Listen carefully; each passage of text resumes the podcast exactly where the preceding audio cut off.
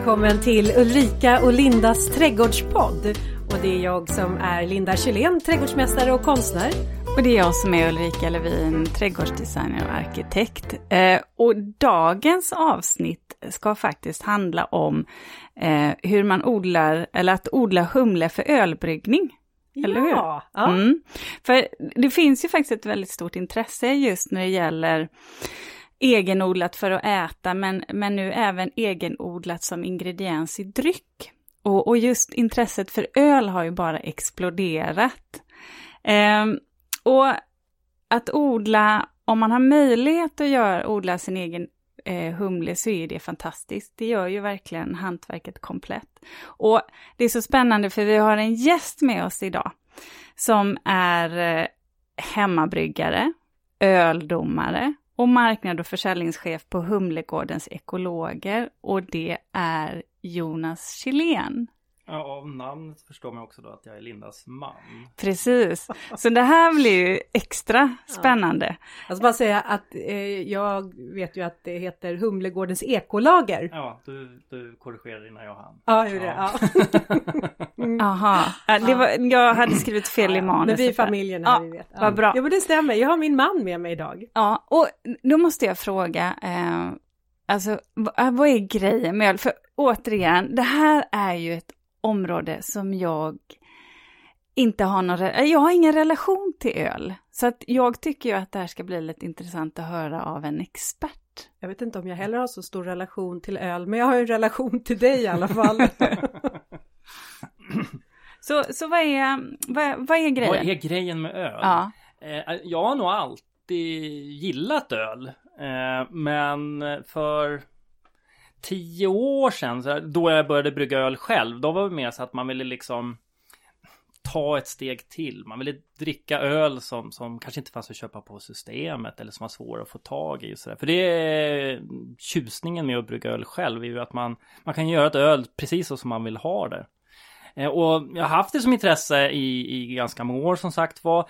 Sen för, eh, ja, vad blir det? Det blir så är det väl kanske när man fördjupar ett intresse, att man vill ta ett steg vidare. Så jag började väl odla humle tror jag var fyra år sedan. Och sen för lite drygt två år sedan så blev det också mitt levebröd då när jag började jobba på Humlegårdens ekolager som är, är ett um, företag som säljer dels råvaror för, för ölbryggning men även hårdvara då för, ja, som ja, utrustning för. Man säljer både till hembryggare och till kommersiella bryggerier och det är framförallt då hantverksbryggerier. Mm. Men det där med trädgårdsintresset då, det kanske du har fått inspiration av din fru kanske? Jag vet inte om jag behöver ha så mycket trädgårdsintresse. Du, du fyller den kannan ganska väl. Men jag, jag tycker det är kul. Jag menar att göra saker och ting. Och när det gäller odling så är det väl framförallt kanske någonting som har en praktisk, det är väl lite manligt, jag vet inte. Att man har en praktisk nytta med det. Om du nu är humle för att brygga öl eller bär eller grönsaker för att äta. Men, men mitt, om man nu sa, om i den mån mitt trädgårdsintresse finns så är det väl i den riktningen. Mm. Ja, men det, och det tänker jag faktiskt är någonting som är himla häftigt att eh, ett intresse just för till exempel nu i trädgård kommer just med ett intresse för någonting helt annat. Men att, ah, men då behöver man gå vidare och, och lära sig faktiskt mer. Som till exempel då i ditt fall då att odla också för att få Ja, för jag tror man kan, det ser man ju mycket, just det här med humleodling i takt med, med hembryggning har blivit allt populärare i Sverige så, så ser man till exempel på, på forum och sådär på internet att det här med humle, det poppar upp massa sådana här humleforum och de kan jag säga med mina ändå ganska begränsade kunskaper om, om trädgård så de som är i de här forumen de, de, de kommer liksom inte från trädgårdssidan utan det är från ölsidan. Det är det sån här, ska man ha jord? Ja men nästan lite, det är väldigt mycket så här basala frågor som diskuteras där. Ja, å andra sidan det är ju viktigt att lyckas med sin odling för annars så blir det ju ingen humle. Så Mm. att någonstans så är det ju inte konstigt. Ja men det är lite kul tycker jag att det, liksom, det, det blir två världar som förenas. Ja. Så att, eh, Men om man tänker på om man nu ska odla sin egen humle. Eh, om du skulle få ge tips då på fem odlingsvärda sorter. Nämn tre svenska sorter och eh, två utländska. Ja, man kan säga att de svenska sorterna, de är ju odlingsvärda allihopa. Eh, Bra. Ja, det finns idag, man gjorde ju nämligen ett eh, Nordiska museet tillsammans med Julita Gård gjorde en DNA bestämning av humlesorterna i Sverige. Man började mitten på 90-talet ungefär. Och idag så finns det då ungefär fem, ja, dryga 50-talet svenska humlesorter då som är artbestämda. Och som också odlas till delvis kommersiellt då. Mm. Så fem sorter? Ja, vi kan ju De som jag har personlig erfarenhet som jag har bryggt på och tycker är också goda att dricka är Hulla Norrgård Eh, Kårsta Kårsta var en sån här humle som jag blev väldigt eh, positivt överraskad. Väldigt aromatisk faktiskt. Eh, sen har man den gamla eh, Maurits 85 som är faktiskt, det var den sista svenska humlesorten som odlades kommersiellt. Eh, man slutade nere på, vad var det, mitten på 50-talet någon gång. Men den har kommit igång. Svalöv Maurits heter den också, den kommer från Svalöv. Så hade du någon tysk sort också? Ja, det finns massvis med tyska sorter. Tättnager kan vi nämna som en. Eh, Halletalle Mittelfrü är också en klassisk. Vilket roligt namn. Ja, de, de är, och de har ju namn efter områdena de odlas i. När det gäller tyska sorter i alla fall. Mm. Ja. Men jag, jag, måste fråga, för att jag, jag vet ju att ölbryggning är ju inte någonting som bara är trendigt nu, utan öl är ju väldigt gammal. Så vad, vad är historiken bakom ölbryggning? Vad man dokumenterat, är världens äldsta ölrecept är 4000 år gammalt. Ett sumeriskt, eh, alltså de gamla sumererna, de bryggde öl och dokumenterade det. Men, men det finns tecken på att man är ganska säker på att åtminstone i 7000 år så har man bryggt öl i en annan form.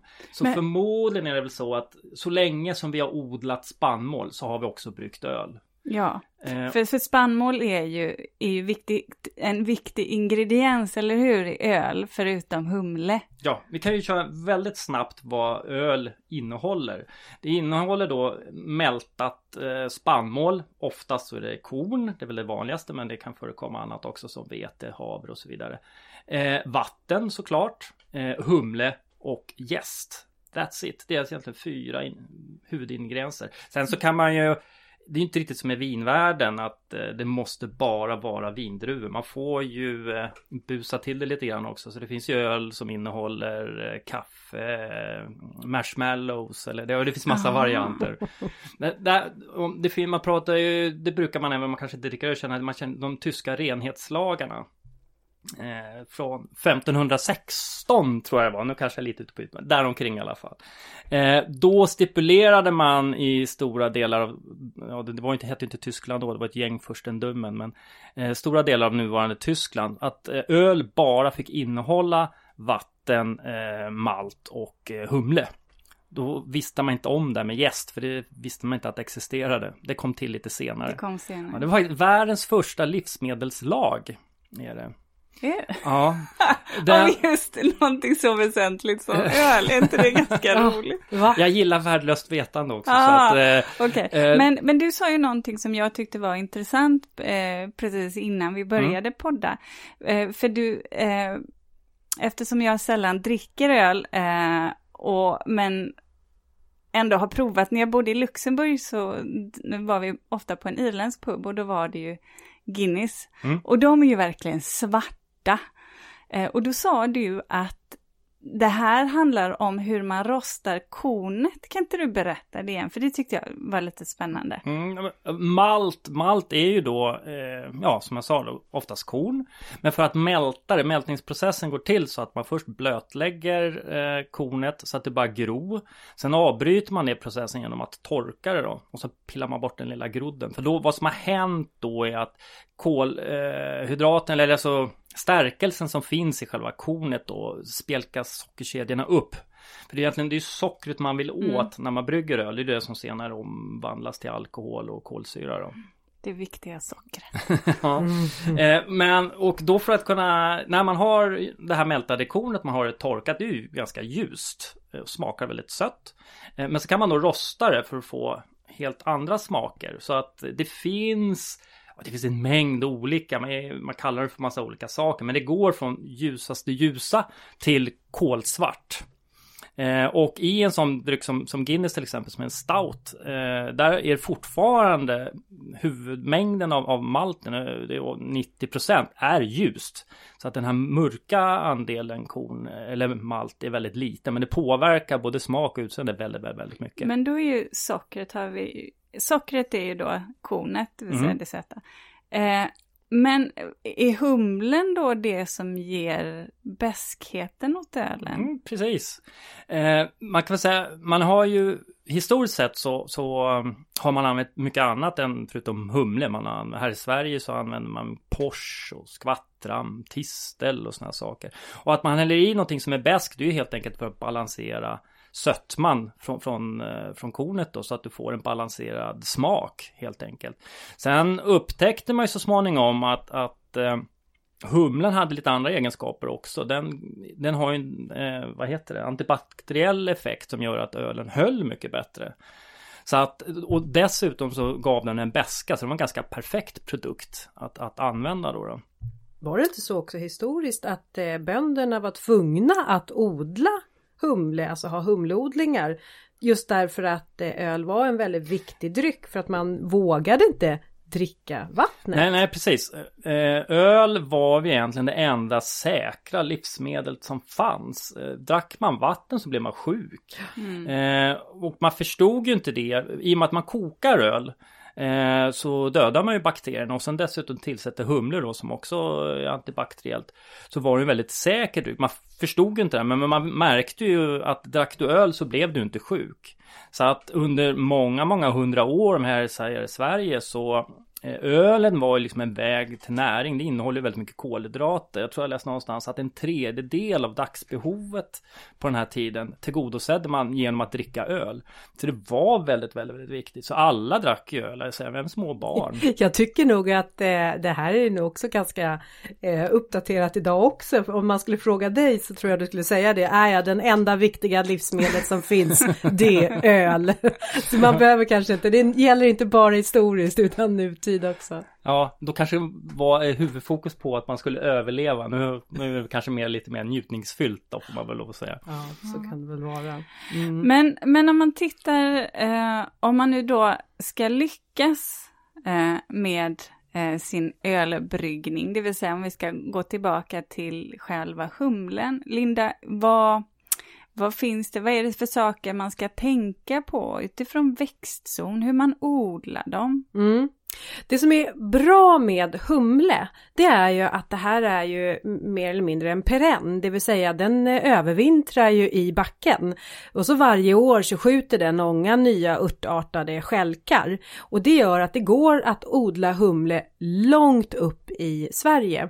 Eh, Jonas, du och jag, vi har ju varit uppe i Vemdalen och där har vi varit och besökt en del humleodlingar. Så att eh, det går att odla, det är faktiskt väldigt roligt man brukar säga att upp till 64 breddgraden kan man odla humle. Sen är det knappt lönt för då hinner inte kottarna. Man kan ju fortfarande odla det för skönhetsvärdet Nej. men om du ska och, få kottar så. Precis och det är då vi kommer till absolut du kan få humlen att vara härdig långt upp alltså till zon 6 kanske 7 också.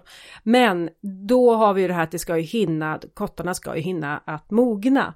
Och det är väl där då visst man kan odla humle som en klätterväxt men vill man ha kottar då gäller det ju att satsa på rätt humle som eh, mognar eh, fort. Och där, hade, där nämnde ju du några odlingsvärda sorter Hulla Norrgård Kårsta Maurits 85. Mm.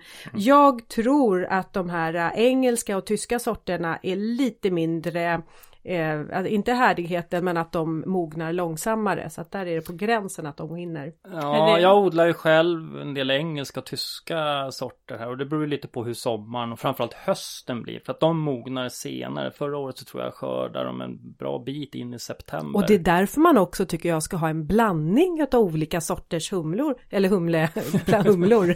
det vill man också ha. Det ska ha. man också ha. Ja, ja, det är där ja. jag har min hum, humlo, humleodling, humlorodling här utanför med sommarblommor.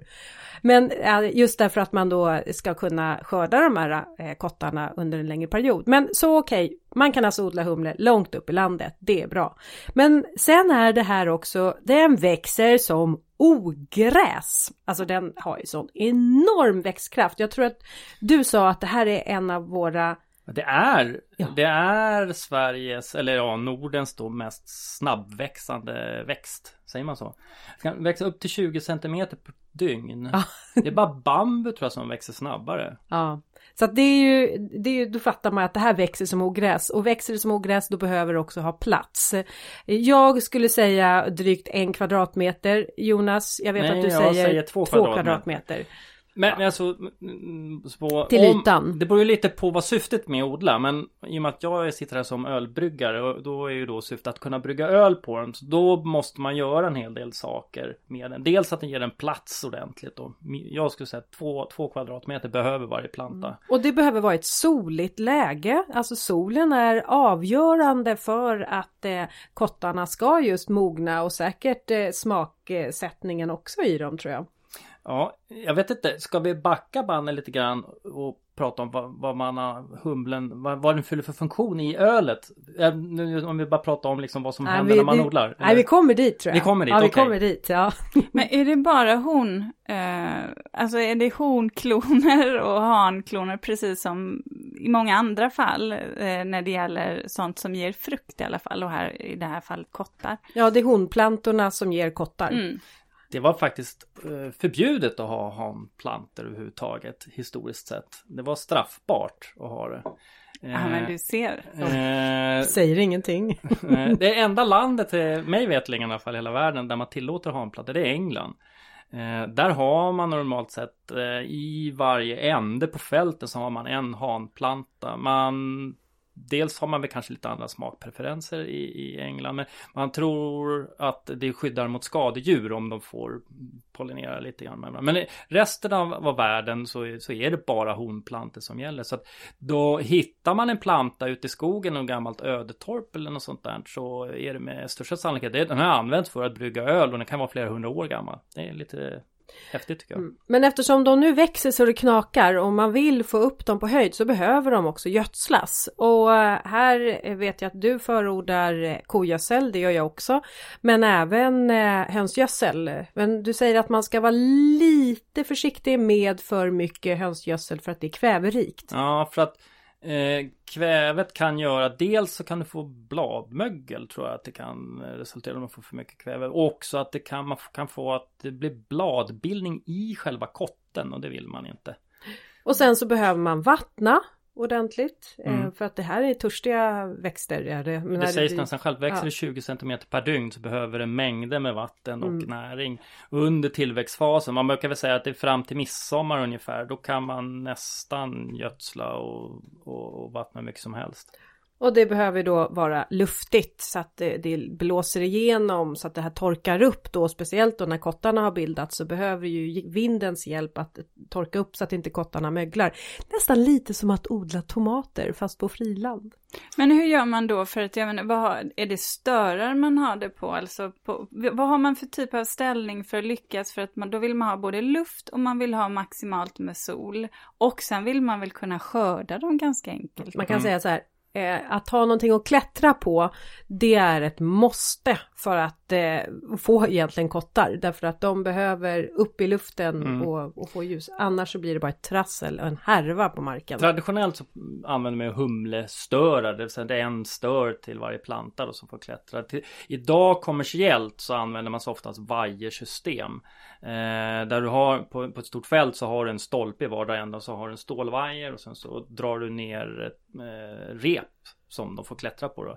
De gillar att klättra på rep. De kan, det går snabbare för dem att komma upp i luften jämfört. Det är lite knepigare för dem på en stör men det spelar inte så stor roll egentligen skulle jag vilja säga. Men de behöver någonting att klättra på. De behöver höjd. Det varierar. Det finns lite varierar såklart mellan olika sorter. Men vissa sorter kan bli 8-9 meter höga. Men så att ska man odla och vill få mycket kott kottar så skulle jag säga så behöver de kunna klättra åtminstone 4, gärna 5 eller 6 meter. Ja, det, det, är ju, det är ju högt. Mm, det är högt. Men jag, det ska jag också flika in att om man nu använder som du sa en sån här eh, vad, vad sa du? Vajer. Vajer. Och de klättrar upp och då blir det nästan som ett jalusi. Och det blir vindfång i det här. Så att här kan man ju då tänka på det att om man använder sig av den lösningen då måste man stadga upp ordentligt. Eh, Är det så att man låter dem eh, växa bara ensamma på en stör så blir det inte lika mycket vindfång. Nej, det har jag ju tyvärr personlig erfarenhet då. Stolparna där jag odlar med har ju gått av två gånger i år tror jag. Så Mm. att det är inte optimalt. Nej. Så man får, får se till att säkra dem ordentligt. Och sen vet jag också att du alltid pratar om vi måste optimera antalet kottar. Ja, ja, Ja. men det är ju, alltså som ölbryggare så är det ju det som, det är ju kottarna man vill åt. Resten struntar man egentligen, det är ju kottarna som man använder i ölbryggning. Så att Eh. efter midsommar då säger du att nu måste vi ut och rensa bladverk. Ja, och, innan det skulle jag också egentligen för den skjuter ju massvis med skott. Just Eh, och det är att man får rensa skotten. Eh, så att låter man den vara så kan den säkert skjuta 20-30 skott. Men ska man optimera antalet eh, kottar så ska man kanske begränsa sig till 3-4 skott. Jag tror jag kör 6. Sådär. För det, det kan vara bra att ha, spara några reserver om det är någon som blir bruten eller sånt där. Men sen brukar du vara generös också och eh, dela med dig av de här skotten. Men inte bara det, på våren då lagar du också god mat. För du, vi har ätit eh, just eh, lite som falsk sparris. Ja, det kallas för fattigmanssparris tror jag Ah. kallas. Alltså det är humleskotten som man klipper. Jättegott! Och steker. steker i smör och gärna lite eh, parmesan på. Det är faktiskt riktigt, riktigt gott. Ja, Med, alltså vadå, Ja. så man bara klipper av de här Ja, nya ja. som kommer upp skotten som kommer Ja. upp ja. Nej men gud vad häftigt. Och då är det alldeles så här nötigt. Ja, och, väldigt ja. nötiga i smaken. Ja det, ja, det smakar faktiskt inte riktigt sparris. Det är mycket mer nötigt, men det är väldigt gott. Så här, trevligt snacks att ha innan middagen. Ja det, det måste jag testa. Mm. Jag vet vad jag ska äta. Lite lunch kanske någon. Ja, precis. Komma hit. Men du, hur många kottar behövs för en liter öl? Oj! Jag, jag, kan- ett antal Nej, kottar. men jag vet att du har sagt det i gram och då har du Ja. sagt mellan 3 och 10 gram Ja, kottar för det beror per helt liter. på vilken typ av öl man brygger. Mm. Eh, viss öl så har man ganska lite humle, annan eh, öl så har man väldigt mycket humle. Men nå, någonstans däremellan. Och vad det blir i antal kottar. Jag skulle vilja, vad, väger en kotte när man har torkat det? Men För man måste torka, den väger nog inte ens ett gram. Så det blir ett gäng kottar. Ja, det har jag just, hur många har jag, har jag inte räknat ut. Hur vet man när kottarna är mogna för skörd? Ja, det är lite klurigt för att ehm, humlen i skördefönstret är väldigt, väldigt kort. Ehm, så man, man ska egentligen optimera, man vill ju op- optimera den här, det ämnet man vill åt i kotten, det här lupilinet som det heter. Eh, det när man, om man drar isär själva kotten så kan man se det som en gult pulver. Så dels att man, man ser det här gula pulvret, men sen trycker man på kotten så ska det prassla som silkespapper. Och sen ska man också då bli lite klibbig om fingrarna för att det är de här eteriska oljorna då som finns i lupilinet, det vill man också åt. Då, då vet man att den är, är mogen. Du säger också att kotten ska lipa. Ja, i alla fall, det här fick jag höra av en humleodlare i England när jag var där i höstas. Eh, han, de kallar, brukar kalla det för Goat's Tongue. När det, det blev nämligen så att det sista lilla bladet på kotten, den och blir lite längre och eh, lipar, ser ut som kotten lipar. Och, och det var deras grej när, när humlekottarna var mogna för skörd. Det var att då Goat's tang stack ut, då skulle man skörda. Ja. Du sa någonting där, eh, man skulle ta bort eh, skotten. Mm. Eh, men sen så nämnde du också det här med att plocka blad. Vad, Mm. vad var det? Ja, det, ef- efter midsommar, liksom när, när eh, skotten har, blivit, har kommit upp ordentligt, då bör väl vara en bra bit över två meter efter midsommar. Då kan man bara ta bort en del av de nedersta bladverket. Det är framförallt för att hindra skadedjur eh, ta sig upp då. För att humlen kan få en hel del skadedjur. Jag vet i Nya Zeeland, där, där kör man, där släpper man in fåren i- när de har kommit Mhm. upp över två. Men då får de käka av och så får de gödsla samtidigt också då. Något som humle kan drabbas utav det är faktiskt mjöldagg. Och mjöldagg det blir som en vit pudrig hinna över bladen.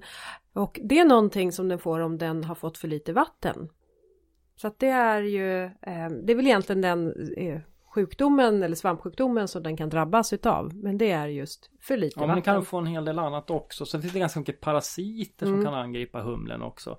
Och, och det där, det är ju också, glesar man ut bladverket så förhindrar man mycket just skadedjur. Då. Och därför är det också viktigt det här med att man inte har för många ehm, Skott. skott som går upp, ja precis, så att det blir luftigt emellan så att eh, vinden kan blåsa bort de små filurerna. En nyplanterad eh, humleplanta den tar ungefär ja, tre, fyra år innan den har riktigt rotat sig och också börjar att producera kottar. Så att man får ha tålamod.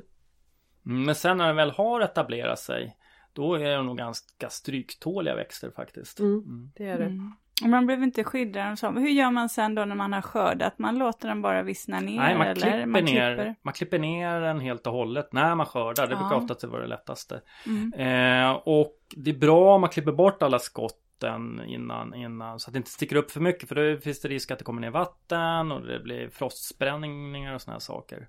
Så att, eh... Och nu är vi inne då i slutet på augusti, då brukar de ju börja och mogna.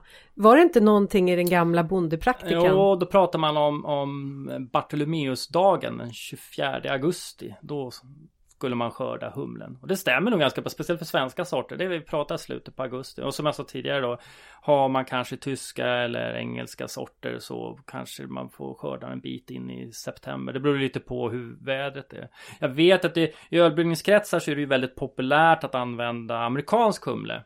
Eh, och jag vet också att det är många som försöker odla amerikansk humle här i Sverige. Jag måste erkänna, jag är nog lite skeptisk till det. Det kan man ju göra för skojs skull, men jag tror skörden blir nog inte så här jättebra. Det är tveksamt om den hinner mogna överhuvudtaget. Mm. Men visst, bor man kanske nere i Skåne och har väldigt soligt läge, då kan det funka. Men jag tror det kan vara lite knepigt. Så ska man försöka sig på att börja odla humle och vill kunna använda den för ölbryggning, då tycker jag nog att man kanske ska satsa på svenska sorter. Det är kul också att eh, ja, lyfta den svenska humlen lite grann. Eller om man kör i alla fall nordeuropeiska sorter. Men om man då nu har skördat humlen Mm. Och så ska man göra sin öl. Vad är nästa steg? Ja, bortsett då från att humlen är lite knepig när det gäller skördetid. Att man, pratar, man har väl normalt sett kanske två veckor på sig. För, för tar, skördar du för tidigt då har det inte blivit tillräckligt med det här lupelin. Du får ingen beska ifrån humlen och då blir den ganska meningslös. Då kommer det mest smaka gräs om ölet. Och skördar du för sent, då börjar det, då händer saker. Då får du oftast eh, att det bara smakar ost och ja, svett och såna kanske inte riktigt trevliga smaker som man vill ha ett öl. Eh, det, det, är aromerna och, och eh, smaken man vill åt och bäskan också såklart då. Men, men som sagt var, det, det, är lite kinkigt med tiden för att skörda. Varken skörda för sent eller för tidigt. Men, jag måste berätta något roligt när det ja. gäller det här skörda av kottarna. För att jag älskar ju att hålla på och göra kransar, höstkransar och så att vad jag gör ju det att jag tar ju de här humlekottarna på den humlen som vi har hemma vid vårat hus. Där har vi en, en ganska stor spaljé med humle på. Så alla år har jag tagit de här kottarna. Men tills det året där Jonas började intressera sig just för ölbryggning. Så när jag kommer hem, jag bara åh nu är de redo att plockas och göra arrangemang utav Fasken finns ju inte en enda kotte. Nej, var hittar jag kottarna någonstans? I frysen. Då hade du hunnit före och snott mina kottar. Mm. Och att de hamnar i frysen, det är, som jag sa, den är lite på det viset lite känslig. Man ska skörda under speciell tid och när man har skördat då är det ganska bråttom att, att ta hand om humlen. Eh, för att eh, så fort egentligen du har skördat den då börjar en oxidering av, av ämnena i humlekotten. Och det vill man undvika. Så, så fort som möjligt så ska kotten torkas eh, och efter den är torkad så ska man få bort syret. Hell, optimalt är att man kan vakuumförpacka den och sen förvara den svalt. I kommersiella odlingar då brukar man prata om att från skörd tills den är, är nerkyld så får det inte gå mer än 24 timmar. För det, det händer ganska mycket. Eh, och det där kanske inte alla tänker på. Jag ibland går in och kommenterar på forum. Sen är det någon som har, ah, jag plockade min humle för ett år sedan. Då har den legat öppet i en påse. Och sen så, kan jag, vad kan jag brygga på det här? Nej, man kan inte brygga någonting på det. Då är den förstörd. Då har tåget gått. Mm. Mm. Så det är, och det är också vi som företag, för vi vill ju gärna sälja svensk humle. Det, det finns inte speciellt många kommersiella odlare, det blir fler och fler. Men många har väl inte så mycket erfarenhet. De, de kanske är bra på att odla men inte riktigt att ta hand om humlen. Så vi kan få varuprover på jättefin humle. Men där man har missat där ofta, då har man inte torkat den ordentligt. Eh, så att eh, för att vi ska kunna hantera den och kunna sälja den på, på ett vettigt sätt så måste den vara torr, annars börjar den mögla. Och det, man, man, eh, normalt så ska man väl ner till en, en, en vattenhalt i kotten på mellan ja, 8-10% max. Alltså nu vet jag ju att det är många som brygger öl hemma och när, när jag hör dig prata Jonas så känner jag bara så här, herregud vad många gånger man måste misslyckas för att få all kunskap. För, för det här, eh, ja det känns ju som en hel vetenskap och lyckas hantera alla de här beståndsdelarna. Mm. För sen, nu ska du börja fixa ölet, hur gör du då?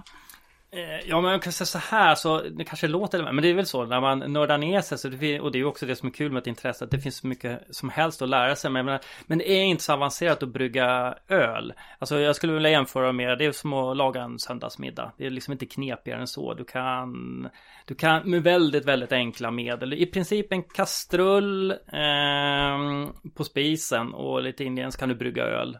På... Men det är en lång process. Jag tycker ja. när du drar igång dina ölbryggningar då kan det vara så här äh, åtta timmars pass. Ja, det är svårt att komma under åtta timmar. Man kan optimera lite grann, komma ner kanske till sex timmar. Men sen är det en massa disk och fix. Och det, för det är en del moment i, i själva ölbryggningen som måste få ta den tid det tar. Ska vi dra en snabbt hur man ja, gör? Ja, det tycker jag definitivt. För jag tycker det är så roligt när man hör de grannarna som säger nej, vi brygger öl i källaren. Jag bara, va? Mm. Okej. Okay. Ja, du, du brygger öl i, i källaren? Jag brygger öl i källaren. Ja, eller, eller på altan har du gjort i somras? Ja, när det är fint väder ute. Så, ja, men kör Jonas. Ja, kör. alltså vad man gör, man tar då den här eh, malten och man krossar den och sen blötlägger man den i varmt vatten. Och det är helt enkelt för att få ut sockret ur, eh, ur malten. Och det får det ligga ungefär en timme. Eh, sen så sköljer man ur den här malten, man brukar kalla det för lakning. Eh, det är egentligen för att du ska få ut allt socker som finns i, i, eh, i malten. Då. Eh, och sen så börjar man koka det som kallas, det här heter då sötvört. Så det är egentligen, och det känns, smakar man på den, den här vätskan så är den väldigt, väldigt, väldigt söt. Eh, man kokar den och sen tillsätter man då humle. Eh, och det gör man lite i olika steg. Oftast så, man brukar prata om eh, Eh, bittergivan, det vill säga ämnena som finns i, i humle är inte speciellt vattenlösliga. Så den här bäskan som man vill åt, den tar lite tid så den behöver koka länge. Så en normalkok ska vi säga tar väl en timme ungefär. Eh, så bittergivan den brukar man då tillsätta så fort det bara koka så slänger man i eh, en näve humle. Och sen så normalt en mitten på, på koket när det är ungefär en halvtimme kvar. Så um, kastar man det man kallar för smakgivan. För då får du alltså inte ut samma bitterämnen men du får andra eh, smakämnen ur humlen då som, som hinner lösas på den tiden. Och så brukar man ha i humlen mot slutet, det man kallar för aromgiva. Så man lägger eh. humlen vid tre tillfällen? Ja, alltså det, ja, det ska jag inte säga för då får jag massa Aha. Eh, ölmänniskor emot mig. Det beror på vad du brukar för öl, men, men eh, normalt sett vissa... Generellt? Generellt. En, en, vissa öltyper som en vanlig lager eller en eh, bäst bitter eller något sånt där. Då har du oftast bara en bittergiva, sen har du inte i någon humle. Eh, när du dricker de här, eller gör de här lite moderna, populära, juiciga IPorna, New England IPA. Då har du nästan i all humle på slutet. Då har du ingenting i början, men du har enorma mängder på slutet. Och, du kan, och då tillsätter du också humle efter du har jäst ölet. Det är vad man kallar för torrhumling då. då. Du har också sagt att olika humlesorter smakar olika. Till exempel att den svenska, tyska, engelska är lite mer kryddig, tallbar, kåda, jord. Mm. Och sen har du sagt att den amerikanska är mera citrus, grape, apelsin och den nyzeeländska frukt och bär. Ja. Generellt. Generellt. Sen finns det, så beror det på vilken sort. Men han inte avsluta själva öltillverkningen. Nej, men det var bara, det var bara smak. Det var, bara, smak. Det var en passus bara. Ja. vi går tillbaka. Ja, vi går tillbaka. Nu, backa, så jag bara vill klara av det. Så aromgivan. Ja, annars tappar jag ja. spåret här. Eh, jo, um, aromgivan, precis. Sen kyler man ner den här vörten som det då kallas då. då. Ehm, och då kyler man ner den till, eh, lite beroende på vad man gör för öl, men, men Eh, till 20 grader ungefär om vi pratar om en ale. Och, eh, och varför man kyler ner den är för dels så händer en del, det händer en del kemiska processer. Det kan bli smakämnen som man inte vill ha i ölen eh, kan tillkomma om man väntar för länge. Sen är det också så att eh, sötvörten är ju eh, väldigt känslig för infektioner. Jag menar, det är varmt och det är massvis med socker. Bakterier älskar det. Så därför av infektionsrisken, vill man minska den så är det viktigt att, att få ner temperaturen fort. Och när man har få, gjort det, då tappar man det på ett jäskärl. Eh, kan vara allt från en plasthink till någonting tjusigt i rostfritt stål. Det har inte så stor betydelse. Och så tillsätter man eh, jäst. Och sen får ölen helt enkelt jäsa. Och det, man brukar säga att en, en ölbryggare han skapar vört men det är jästen som skapar öl. Eh, och vad som händer då när, när gästen käkar upp sockret, den, den eh, ombildar ju det som faktor till alkohol och till kolsyra. Och det händer massa andra saker också som påverkar smaken.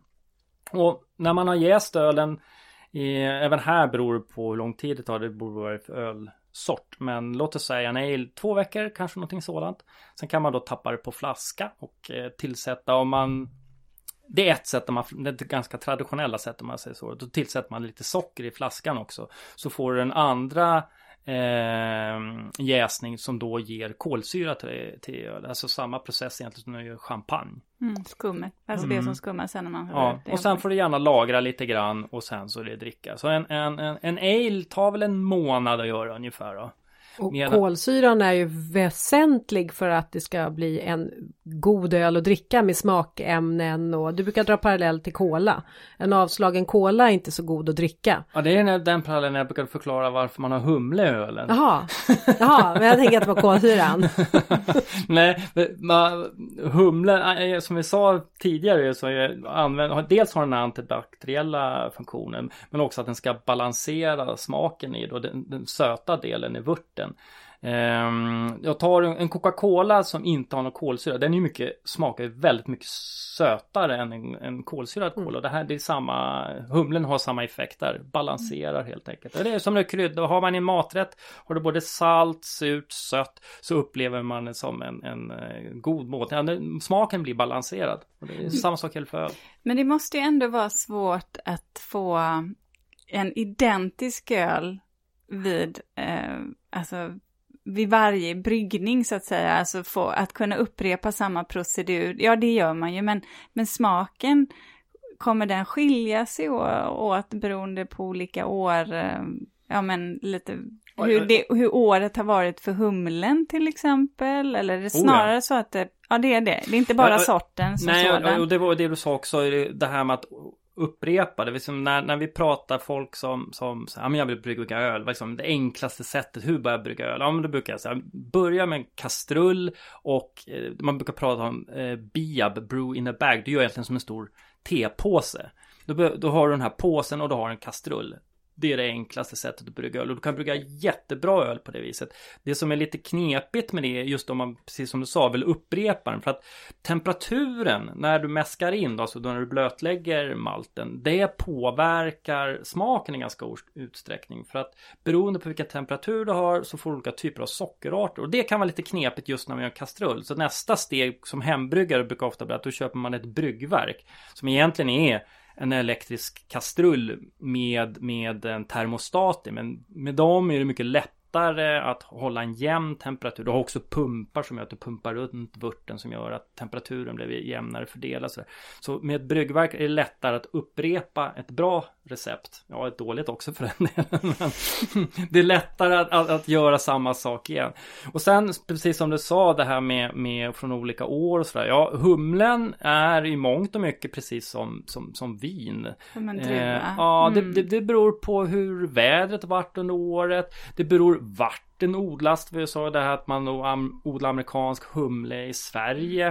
Eh, du får säkert kott fattar men frågan är hur bra de blir och hur det smakar. Det, det, har du köper amerikansk humle och sen förväntar dig kunna odla och få samma resultat själv så tror jag du blir besviken.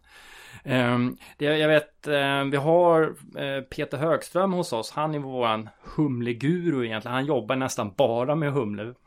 Eh, och han eh, åker på sådana här resor och provar humle hos odlarna och sådär. Då hade de en test, provsmakade och då en humlesort på, som odlad av sju olika odlare, men i samma område. Det var bara några mil emellan odlarna. Men han sa de här sju olika, eller ja, det var ju samma sort. Men de smakar alltså som olika sorters humlor. Alltså det var enorm skillnad på smak. Så att eh, det kan variera väldigt, väldigt mycket. Och även faktiskt på ett fält. Beroende på om det lutar eller sådär. Så det ser man också när man går på de här fälten. Att plantorna är olika stora och sådär. De, de, de, du får olika karaktär beror, beroende på förutsättningarna. Men hur, hur för mig då, som, som inte är en öldrickare, eh, öldrickare men eh, om man nu ska smaka på öl, alltså hur ska man smaka för att känna de här aromerna? Vad ska man smaka efter? Det är det du jobbar med som öldomare eller? Jag tänker, ja men det kan ändå, för då, jag, jag så här, min man gillar öl. Jag tänkte jag skulle vilja prova och så ska jag komma ihåg det du säger nu bara för att se Mm. Ungefär som det här med vin. Jag förstår, det ska svänga ja. lite mer här. Mm. Nej, nej, när, när jag har hållit en del provningar och sådär. Och ofta när folk, oftast är det faktiskt tjejer tyvärr, äh, säger att jag dricker inte öl, jag gillar inte öl. Det man inte är så förtjust i. Jag är en drinkbrutta. Ja, men det man inte är så förtjust i, det är oftast bäskan. Ja. Eh, och det är det som är så kul med, då brukar jag, ja, men prova en suröl. Eh, då har du nästan ingen, då har du ingen bäska alls. Då har du en syrlighet som kan vara också den väldigt varierande beroende på vad det är för typ av suröl. Suröl skulle jag då rekommendera. Det finns eh, ja, klassiska sorter som, som Berliner Weisse till exempel. Är någonting som man, eh, ja, man dricker i Berlin väldigt mycket. Som är, den är inte så jättesur men då har, den är helt klart syrlig. Den tillsätter man ofta någon sån här fruktsyrup och sånt här till. Så då kan du få till exempel en, en Berliner Weisse med jordgubbssmak eller något sånt där. Ja, det, ja, det tycker jag, det låter äckligt. Eh, det, ja, men, nej, men det är gott. Är det det? Det är gott. Och i Belgien finns det, där man har ju en ganska lång tradition att göra olika syrliga öl där. Det finns mängder. En, en ganska lite rolig variant som folk brukar känna till det är krik. Det, det är alltså en, en suröl som man tillsätter körsbär. Eh, men här någonstans så tycker jag ölen börjar försvinna. Det är ju knappt Nej, men det är det som är så kul. Det, det, det, är ju öl. Det är fortfarande det är, det är malt, det är vatten, det är jäst. Det är öl. Ja, fast när jag säger till dig att jag vill ha en, en ljus la, lager och gärna en citronskiva i. Vad tycker du då? Är det öl? Ja, det är ju öl. Alltså, alla får väl dricka vad de vill så ja. länge man tycker det är gott. Men, men eh, det, och det, det, det som är så fascinerande med öl att smakspektrat på öl är så enormt stort. Alltså från det syrligaste sura till någonting som kan vara extremt bäst eller väldigt sött. Du har liksom, det finns alla varianter. Så att, alltså säger man att man, man, eh, jag gillar inte öl, då skulle jag säga, då har du inte provat olika sorters öl. Och så blir det ju om man inte tycker om någonting. Ja, och jag ställde dig Jonas frågan innan här nu. Okej, vilken öl är du mest stolt över? Och då sa du så här, nej men Linda, det är ju som att fråga vilket av våra barn jag älskar mest. Vad bra, för det var nämligen min, min nästa fråga, vad du själv föredrar. Ja, men du sa en öl. Ja men alltså Jag skulle säga det är väl tillfället som gör ölen Jag menar eh, En varm sommardag när man är väldigt svettig Då kan jag tycka det är gott med, med en, eh, en, en ljus lager Framför brasan En mulen höstkväll Då dricker jag gärna en Imperial Stout Eller Äter jag ost så kan jag dricka en barley wine. Eller ja, det, det beror på. Ja, så du, drar, du tar öl till ost alltså? Ja, barley wine är perfekt till ost. Det är nästan bättre än vin. Men har du några mer sådana här men bra? Men tror jag nog minns att du börjar få lika intresserad. ja, ja. Men jag, jag bara tänker, alltså jag gillar att äta, så ja. är det. Jag gillar smaker. Så jag tänkte, det här är ju jätte det här kan locka mig lite mer. Bra tips som man kan kombinera med olika öl. Ja, barley wine med mm. ost, mögelostar fungerar jätte, jättebra. Eh, söta chokladiga efterrätt, typ chokladkaka och sånt där. Imperial stout funkar klockrent. Verkligen. Eh, kriken, det kan man ja. göra eh, en um, nu hittar jag inte, vad heter det sån här isig glass? Eh, som är sorbet. Sorbet. Mm. Sorbet? Alltså du kan göra en sorbet på ja. kriken och, men även servera en, en suröl till eh, syrliga efterrätter. Funkar eh, jättebra. Eh, kryddig mat sådär som är, jag menar thaimat och sånt där som är, är det fungerar ofta en IPA väldigt bra. Det har ju, den har ju väldigt hög beska på det så det brukar matcha ganska bra. Ehm, veteöl funkar också till, till, till fisk och sådär som man kanske traditionellt sett man dricker vitt vin. Då funkar veteöl bra. Den är ju väldigt eh, mild på ett annat sätt och inte speciellt heller besk. Den skulle du som säger att du inte gillar, du ska prova en veteöl. Traditionellt sydtysk eh, Weissbier. Weissbier. Weissbier. Men du Jonas, vet du vad det bästa jag tycker det är med att du brygger öl? Ja, maskarna. Ja, jag hade en uppenbarelse eh, förra hösten vid våran kompost. Först blev jag lite morr på att Jonas har varit där och slängt ut, eh, vad var det du hade slängt? Alltså det, nej efter man har Var mest... det korn eller var det? Ja, ja. Rätt, man, drav ja, brukar man kalla det för. Alltså det var dravet. den här malten som man har blötlagt. När mm. man då har tagit bort den från, från vörten, då, ja då slänger man den. Den la jag på komposten. Ibland jag... brukar jag faktiskt lägga den i skogen till rådjuren gillar det. Ja, men den la han på komposten. Jag bara, åh, och det, alltså jag kan inte säga att jag tycker att det luktar särskilt gott. Det, det luktar något sött och jäst och jag bara åh, håller han på och slänger sådana här saker på komposten? Så jag blev lite irriterad. Men sen började jag och liksom gräva i det här för att vända på det här och då såg jag Alltså vi, vi fick ju till en maskodling. Jag har aldrig sett så mycket maskar.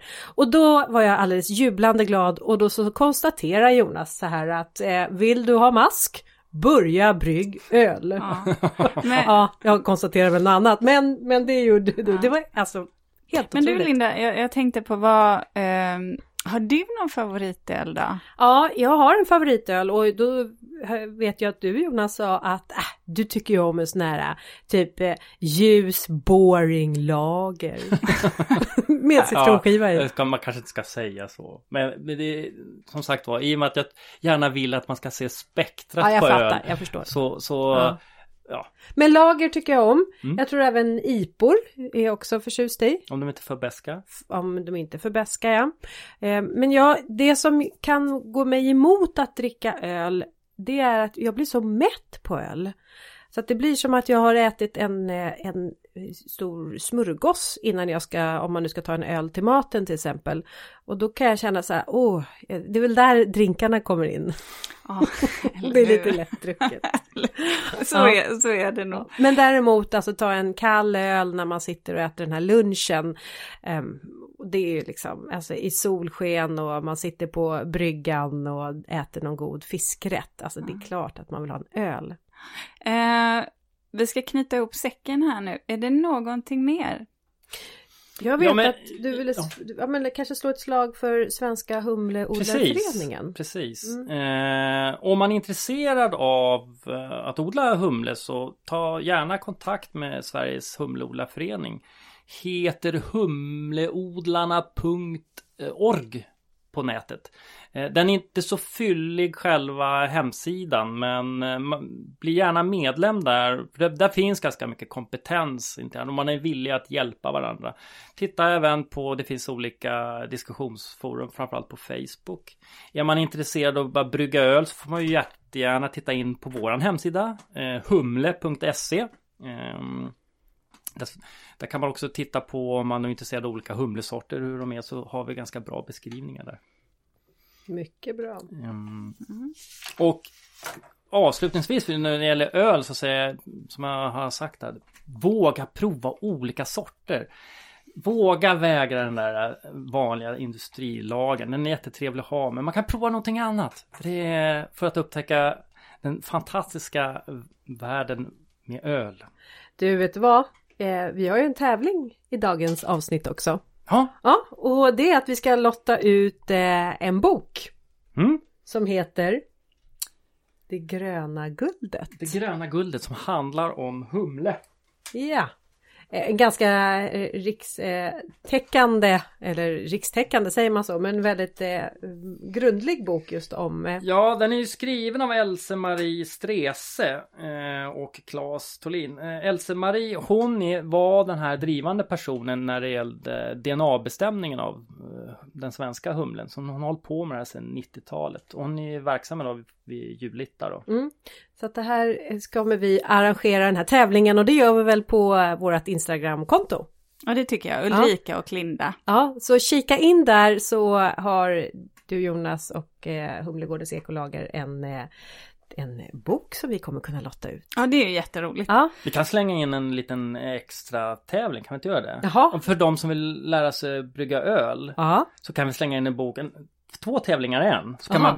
man vinna en bok om eh, så, hur man brygger öl. Alltså det så här är min man. Han Ja. är så här, han är lite extra mer och väldigt generös. Det låter jättebra. Det, Ja. Vi får tacka för lyssnarnas och lyssnarnas vägnar, eller hur? Ja, men För verk- någon kommer ju få de här böckerna. ja verkligen. Grattis till Ja. er! Så Eller dig, du som vinner. Ja, men eh, nu så, så tänkte jag att vi ska, eh, vi byter ämne, för det tror jag kanske att det blir i alla fall, för vad har du för veckans eh, spaning eller reflektion? Sensommarodling. Mhm. Det här med att sommaren är slut därför att semester är slut och många återgått till jobb och till skola och man kanske börjar glutta i kalendern och se att eh, september, oktober börjar närma sig. Det stämmer inte när det gäller odlingssäsongen för vi är fortfarande mitt i odlingssäsongen och jag har sett ett intresse av att vi vill fortsätta att odla och då pratar jag om att så grönsaker. Vi kan fortsätta att så räddisor och vi kan fortsätta att så spenat och olika asiatiska kål också. Ja, och det har jag ju gjort hemma i, i trädgården faktiskt. Eh, och tänker skörda hela hösten. Eh, och jag har, jag har tänkt mycket på saknad. Eh, faktiskt. Eh, min, eh, min 19-åring, hon eh, har ju börjat på universitetet i Linköping nu. Så att vi körde ju dit henne för någon vecka sedan. Då flyttade hon. Eh, och då flyttar hon ju för gott. Hon ska plugga i fem år. Och det är så en konstig känsla, för det är ju det här som man förälder vill. eh, Att, att de ska bli flygfärdiga och prova, eh, prova, att, ja, prova sina egna vingar och att det bär. Det Och samtidigt så är det så konstigt, nu dukar jag helt plötsligt bara för fyra. Jag behöver inte gå och stänga hennes dörr om morgnarna när jag går upp tidigt. Och, ja, Det är två sidor av myntet. Alltså, ja, man vill det men... jag är glad för hennes skull och Ja. samtidigt så känns det lite vemodigt, helt ärligt. Mm, jag förstår. Men vi, får, vi får gräva ner oss i odlandet. Nej, jag åker och hälsar på ja, henne. det är klart Ja, du gör. så gör vi. Ja. Ja, eh, tack för idag Linda. Ja, Jonas eh, säger vi också tack till. Han, han pep iväg här. Ja, Eh, men det, sån är han han. behövde iväg. Han behövde Han iväg. behövde- Men vi tackar verkligen. Jonas för att eh, eh, han var med här. Och Humlegårdens, och Humlegårdens ekolager. Och sedan så påminner jag bara om vårt Instakonto Ulrika och Linda. Och det finns ju fler avsnitt att lyssna på. Vi hörs om en vecka. Hej då! Hej då!